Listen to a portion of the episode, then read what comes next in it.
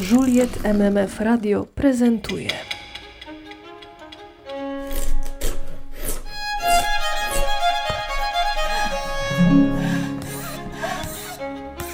Z pracowni artysty. Pierwszy raz to robię i się bardzo boję. Co pieczesz? No, znalazłem taki przepis. Nie ma w nim w ogóle cukru, ani miodu, ani ksylitolu, ani nic. Są tam tylko bakalie, orzechy i mąka orkiszowa. No i jajko, żeby to skleić. Ty się eksperymentów nie boisz. Nie, ja się nie boję eksperymentów. Wkładam blachę z ciasteczkami. Piekarnik jest rozgrzany do 190 stopni i w przepisie było napisane, żeby je piec około 12 minut.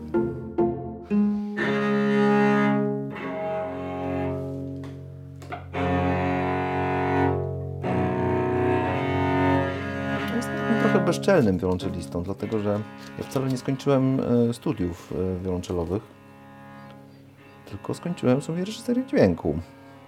Więc uważam, że po prostu ja sobie mogę na tej wiolonczeli grać co chcę, bo ja tak jestem amatorem. że nie mam tego ciężaru, że ktoś mnie oceniał i ja teraz muszę tutaj pokazać, jaki jestem niesamowity zamiast tak jak większość nastolatków spotykać się i, i ćpać, brać narkotyki i, i pić wódkę, to my się spotykaliśmy i, i nagrywaliśmy dziwne rzeczy, głupie piosenki, dziwne improwizacje. Tata gra na klarnecie, jest muzykiem w Filharmonii Narodowej i profesorem w Akademii Muzycznej. Mama jest kompozytorką i też nauczycielem akademickim. Ta Akademia Muzyczna, odwiedzałem ją już jako kilkulatek, gdzieś tam na przykład czekając po swojej szkole, aż rodzice jeszcze skończą swoje zajęcia. Albo rodzice przekazywali sobie mnie, jedno z rodziców odbierało mnie ze szkoły, drugie zabierało do domu. Muzyka była takim powietrzem, którym oddychałem w domu, czyli można to ująć inaczej, nie było innego wyjścia. Muszę poszukać jednej płyty. Ja pamiętam, robiłem scenkę dźwiękową z, z kropli. Piękna ta kropelka. Ta jest gorsza. Byłem na reżyserii dźwięku, ale dzięki temu, że te studia były na, na Akademii Muzycznej, cały czas byłem w kontakcie ze swoimi przyjaciółmi, znajomymi z szkoły średniej muzycznej. Dzięki temu nigdy nie przestałem grać. To brzmi jak woodblock, nie? Jak perkusja. Wodę i ogień bardzo trudno jest nagrać. Deszcz łatwo jest nagrać tak, że będzie brzmiało po prostu jak, jak generator szumu. Ale pociąg jest ekstra. Mogę puścić pociąg? Piękne nasycenie dźwię- dźwięku na taśmie oczywiście. Kosmos.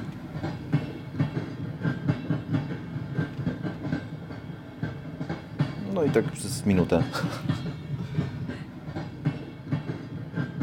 Pamiętam doskonale swoją pierwszą próbę z zespołem Art Days Sonatori i współpracę z Arkiem i z Ewą Golińskimi. Pamiętam to uczucie, że ojej, wreszcie mogę grać tak jak chcę. I taką niesamowitą właśnie jakby szybkość reakcji. No bo granie w zespole to jest, to jest komunikacja. I to jest komunikacja, która odby powinna odbywać się o wiele, wiele szybciej niż, niż taka komunikacja normalna, werbalna między ludźmi. Jeżeli ktoś ma właśnie dobry odbiornik i nadajnik, to właściwie prawie w ogóle nie trzeba rozmawiać na próbach.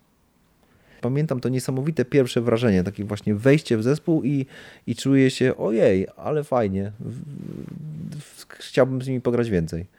No i pograłem więcej, ponad dekadę. I w ogóle ta współpraca z Art Days Sonatori była strasznie ważnym etapem. Z całą pewnością ukształtowała mnie jako muzyka. Innym ważnym chyba etapem, bo to tu nawet trudno mówić o jednym konkretnym momencie, była współpraca z angielskimi orkiestrami. Ta różnica polega między innymi na tym, że tam pracuje się strasznie szybko. Trzeba posiadać taką umiejętność, że jeżeli czegoś nie umiesz, no najlepiej jakbyś, jakbyś umiał, wiadomo, ale jeżeli czegoś nie umiesz, to, to gdzieś tam ukrywasz to i, i wpasowujesz się w zespół tak żeby brzmiało, że wszystko jest top notch. Dlatego Anglicy świetnie brzmią jako sekcja, sekcja skrzypiec, czy, czy, czy oni, oni potrafią tak się wtopić wzajemnie. To jest to taka, prawda, British politeness, nie? Nie, nie, nie, nie pokazujemy wszystkiego, nie pokazujemy całej prawdy. Ale przede wszystkim ta szybkość pracy. Yy, tak jak u nas, prawda, orkiestra symfoniczna spędza 3-4 dni na próbach, nie? żeby przygotować koncert. To tam taki sam koncert orkiestra potrafi przygotować w 4 godziny skrajności potrafią wyglądać tak, że próba do utworu, y, na przykład do Mesjasza, który trwa tam około 4 godzin, y, próba do tego utworu trwa 3 godziny. Wadą tego systemu jest to, że, że zawsze gramy bezpiecznie. Nie możemy pozwolić sobie na żadne ryzyko, prawda? Bo, no bo właściwie nie mamy kiedy tego ryzyka podjąć.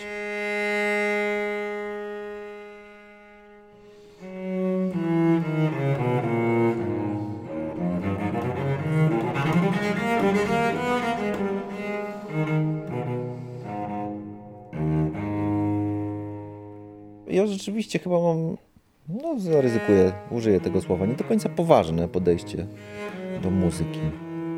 Miałem, no, myślę, że kilka takich ważnych momentów, które no, znowu niby nas odciągają od tego baroku, ale jakby po pierwsze przejście całego tego treningu właśnie jako reżyser dźwięku, spo, inne sposoby słuchania, w pewnym sensie inna, inna wrażliwość, gdzieś tam początki wykształcania tej, tej wrażliwości na pewne parametry, Skończyłem studia na reżyserii dźwięku. Zacząłem grać muzykę dawną. Dzięki kursom w Wilanowie, które, które organizowała e, Agata Sapiecha, miałem możliwość poznać niesamowitych muzyków e, z całej Europy, właściwie z całego świata. I te spotkania zaowocowały takim potężnym kopem i inspiracją do tego, żeby w ogóle to robić dalej. Więc zaraz po studiach reżyserii dźwięku wyjechałem do Londynu tam e, zanurzyłem się w barok, ale nie do końca. Nie tylko właściwie, może tak. E, dlatego, że jedną z pierwszych rzeczy, które zrobiłem po przyjazdu do Londynu, był wyjazd do Afryki, do Gambii, żeby przez trzy tygodnie uczyć się grać, śpiewać, tańczyć od tamtejszych muzyków.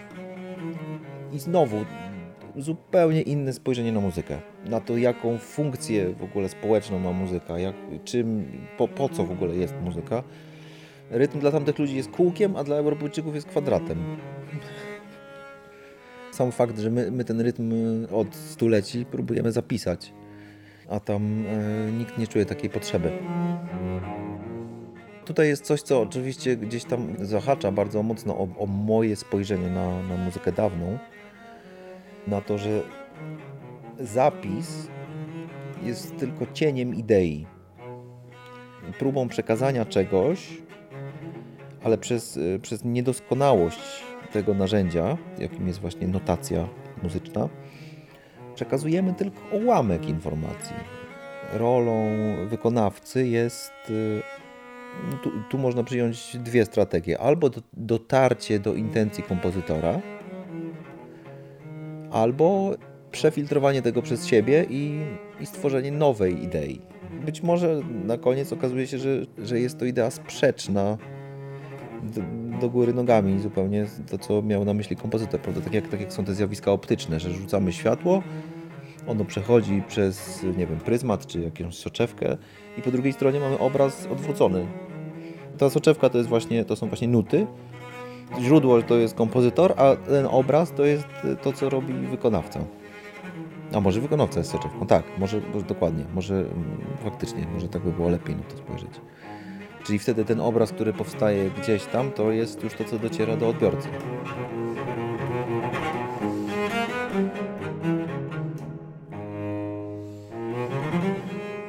Uświadomienie sobie tej niedoskonałości notacji na pewno miało ogromny wpływ na to, jak, jak staram się wykonywać muzykę barokową. Ruch muzyki dawnej, który Gdzieś tam oczywiście istniał już od, od czasów y, Mendelssohna albo i tak naprawdę wcześniej. Jednym z postulatów była wierność partyturze. Wierność właśnie idei kompozytora. No ale co to, co to znaczy? To jest, to jest, moim zdaniem to jest totalna utopia. Taka koncepcja jest, yy, no jest albo, albo utopijna, albo naiwna. Dlatego, że yy, po pierwsze, my nigdy nie poznamy y, intencji kompozytora. Po drugie, właśnie ten, ca cała ta kwestia niedoskonałości zapisu, więc mamy być wierni y, czemu właściwie, prawda? Mamy być wierni temu, jak dzisiaj byśmy odczytali te nuty, czy, czy temu, co już wiemy o zapisie, ale wiemy tylko szczątkowo? Czyli de facto mamy być wierni swojej własnej interpretacji tego zapisu. No to, to już jest wtedy jakby żadna wierność, prawda? To, to, to, to mówmy otwarcie, że możliwa jest tylko nasza własna interpretacja i sposób odczytania. Oczywiście one powinny być mm, oparte o wiedzę, znajomość traktatów, e, ale wydaje mi się, że mówienie o tym, że jesteśmy właśnie wierni kompozytorowi czy, czy, czy wierni stylowi, jest Y, jest ogromnym nadużyciem tak naprawdę. Stąd też mówiłeś o wolności, że ty muzykę y, odczytujesz jako wolność, muzykę barokową? Tak, tak. Wolność polegająca na wolności doboru środków i y, wolności interpretacji. Wolność nie oznacza braku reguł, prawda? Wolność to nie jest anarchia. Znamy reguły, a to, czego nie znamy, nie wiemy, nigdy się nie dowiemy, e, uzupełniamy e, własną inwencją. To jest, to jest dla mnie ta wolność e, w muzyce baroku. Grając utwór, próbujemy tak naprawdę przekazać jakąś ideę dźwiękową. Oczywiście w niej może być spora warstwa intelektualna, spory ładunek emocjonalny i tak dalej. No i właśnie, jak, jak chociażby jak takie rzeczy zapisać? Trzy czwarte, pięć kresek i tam krzyżyki i bemole, prawda? I co, i co mamy? Ta kwantyzacja jest zbyt szeroka, żeby, żeby takie niuanse zawrzeć. Przy repertuarze solowym, kiedy, kiedy rzeczywiście sam jestem odpowiedzialny za, no, za wszystko, poprzez swoje doświadczenia muzyczne, które już mam, zbudowałem sobie pewną jakby taką bazę informacji, dzięki którym patrząc na utwór, na dzień dobry już, już dużo wiem. Wiem to co, y, to, co już zagrałem, to, co usłyszałem od inspirujących muzyków w swoim życiu, to, co przeczytałem w książkach. Z tym, z tym przychodzę na dzień dobry, spotykając się z utworem. I później grając, współgrają różne warstwy jest właśnie warstwa intelektualna, jest warstwa dźwiękowa, taka czysto sonorystyczna, po prostu czy mi się, czy, czy, czy mi odpowiada brzmienie, które produkuję, prawda? No i jest warstwa emocjonalna, związana z tym, jak w ogóle czym, jaką emocję, czy jaki, jaki afekt chcę wyrazić danym, danym utworem, daną częścią.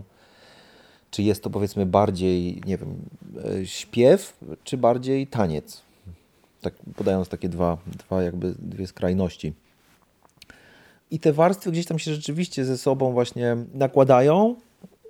W czasie pracy nad utworem gdzieś, gdzieś powstaje ich wypadkowa. Na przykład, nie wiem, widzę, że dany utwór jest y, sarabanną, nie? To jest powiedzmy ta warstwa y, intelektualna. To, y, to później staram się dobierać z tych innych dziedzin środki, tak, żeby, żeby to rzeczywiście była sarabanda, tak jak ja ją sobie wyobrażam oczywiście.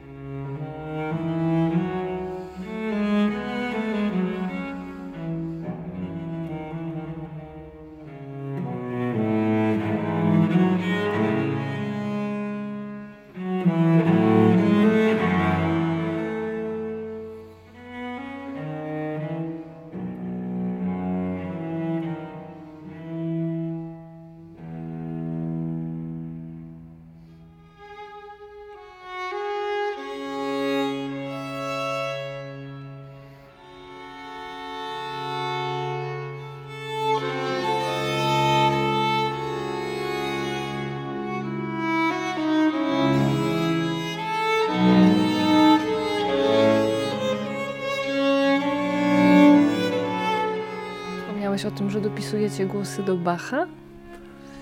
Tak, tak, obrazoburczo. Utwory solowe Bacha są kamieniem milowym zarówno w repertuarze wiolonczelowym, jak i skrzypcowym. Usłyszałem kiedyś ładne mm, bardzo określenie jednego z, ze znakomitych wiolonczelistów, e, Davida Watkina, który powiedział tak, że suity wiolonczelowe Bacha po angielsku nazywają się unaccompanied, czyli jakby nieakompaniowane, utwory solowe.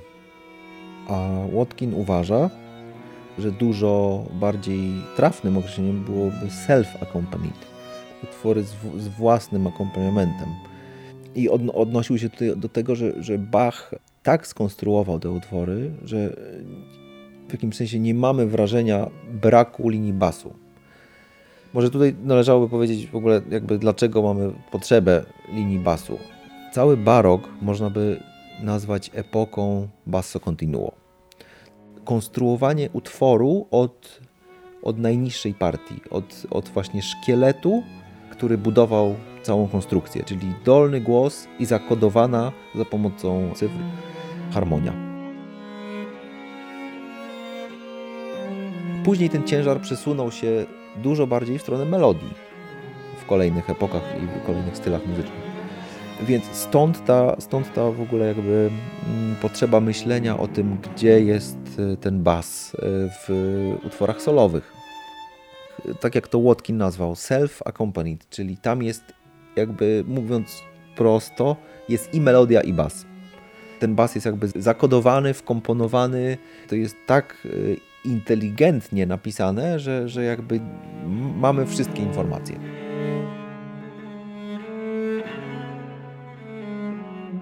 To, co my robimy z Martyną, to jest y, troszeczkę bazowanie na pewnej niedosłowności, niedosłowności informacji, którą Bach zawarł w tych utworach. Wzięliśmy suite demol i partitę demol. Czyli mamy, mamy jakby spójność, e, jeśli chodzi o tonację i wymyślamy drugą linię do utworów solowych Bacha. Próbujemy jakby odkodować ten bas, który jest tam gdzieś ukryty. To nie jest tak oczywiście, że, że jest tylko jeden sposób na zrobienie tego. Jest, jest tyle sposobów, ilu jest muzyków. No jest to oczywiście zadanie gdzieś tam e, obciążone tym, że, że Bacha traktujemy jak Biblię. Nie można tam zmienić żadnej nutki i w ogóle dopisywanie czegoś do Bacha to jest e, pyszałkowatość, prawda? Bo, bo ta muzyka jest idealna i skończona.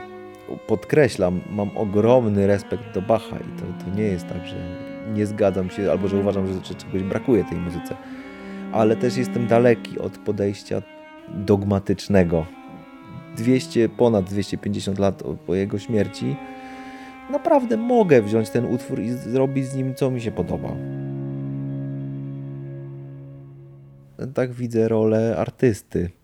To, co zaczerpniemy, przetwarzamy, przepuszczamy właśnie przez tą soczewkę i, i proponujemy słuchaczom, którzy mają dzisiejszą wrażliwość Dlatego nie boję się takich eksperymentów. Nie uważam też, że stawiamy się w ten sposób na równi z Bachem. My po prostu, yy, tak jak powiedziałem, po prostu czerpiemy inspirację i w jakimś sensie bawimy się tym. Oczywiście to jest, to jest takie trochę może infantylne określenie, bawimy się muzyką, prawda? Ale, ale dobrze się przy tym bawimy. No więc co, no to jest, to jest taka wiolonczela z jelitowymi strunami. Ale Ile masz teraz w domu wiolonczel? Mam cztery wiolonczele. Jedna jest y, no, moja najstarsza wiolonczela współczesna, czyli taka jakby normalna, niektórzy na to mówią. Nie gram muzyki klasycznej na, na mojej współczesnej wiolonczeli, więc to jest taka wiolonczela do niepoważnych zadań, które uwielbiam. Potem mam trzy różne wiolonczele z jelitowymi strunami. Grzeczna wiolonczela! Oj, grzeczna! Cześć Mundek. To jest Mundek, a to jest y, pani Agnieszka. Chcesz pograć?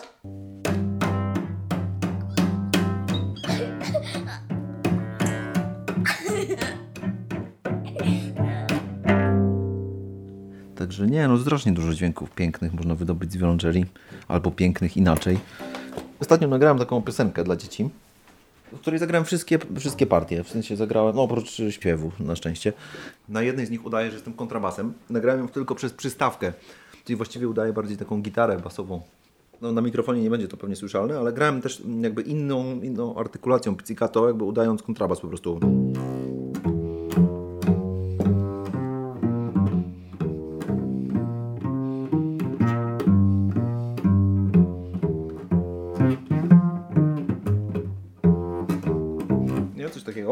Potem grałem drugą partię.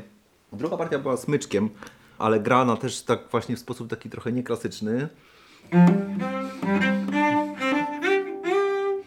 I trzecia partia to były z kolei takie pizzicata, niby tam udawanie gitary.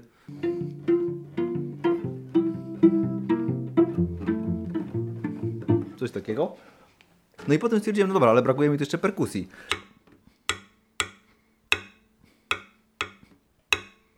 Powiedz, że robisz to obrączką swoją. obrączką, tak, bo- która jest właśnie dosyć taka szeroka. Dobrze brzmi tutaj na gryfie. Później jakieś takie bębenki to robiłem jakoś tam...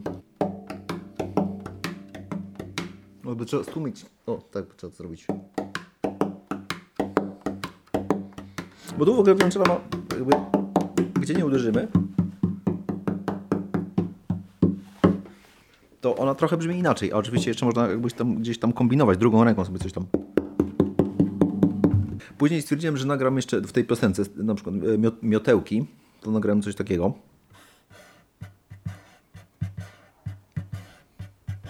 Coś takiego zrobiłem. Można bardzo dziwne rzeczy robić ze smyczkiem, nie? Można...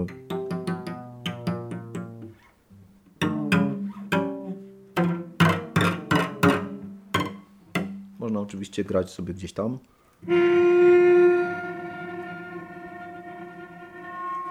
Po normalnej stronie podstawka, ale lekkim i szybkim smyczkiem.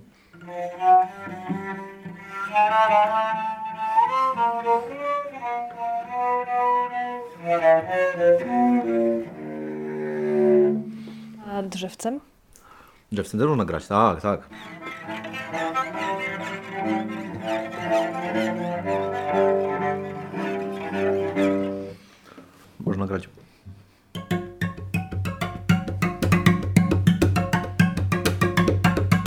Nazywa? Kalimba chyba. Albo mbira. A co to znaczy, że relacje z instrumentem buduje się przez lata? Ta wiolonczela z jelitowymi strunami, którą przed chwilą pokazywałem, ja mam ją krótko, mam ją właściwie chyba rok. I ja nie czuję, że jeszcze umiem na niej grać. Na przykład z tą współczesną wiolonczelą jestem już dobrze zaprzyjaźniony, bo mam ją od tam 98 roku. Każdy instrument potrzebuje innego sposobu grania. Innego sposobu wydobycia dźwięku, reaguje inaczej. Dopóki się tego nie nauczymy, no nie jesteśmy w stanie w sposób zupełnie e, swobodny wypowiadać się na danym instrumencie. Trochę tak jak uczenie się języka prawdopodobnie. Instrument e, przyzwyczaja się do osoby, która na nim gra. Każdy jest jakby inny, wręcz jakby fizjologicznie inny, prawda? Inną ma wagę ręki na przykład, prawda? Albo inne, nie wiem, palce, inną, inną szerokość palców i tak dalej. Z inną siłą dociska palce, z inną siłą dociska smyczek i tak dalej, i tak dalej. A instrument to jest układ rezonansowy. Więc on, będąc pobudzanym w dany sposób przez danego muzyka, jakby przyzwyczaja się do pewnego rezonansu i, i pewne wręcz, wydaje mi się, że fizyczne częstotliwości są w nim jakby roz, rozbudzone, rozrezonowane, a, a, a być może pewne nie. Nastrajamy ten układ do siebie.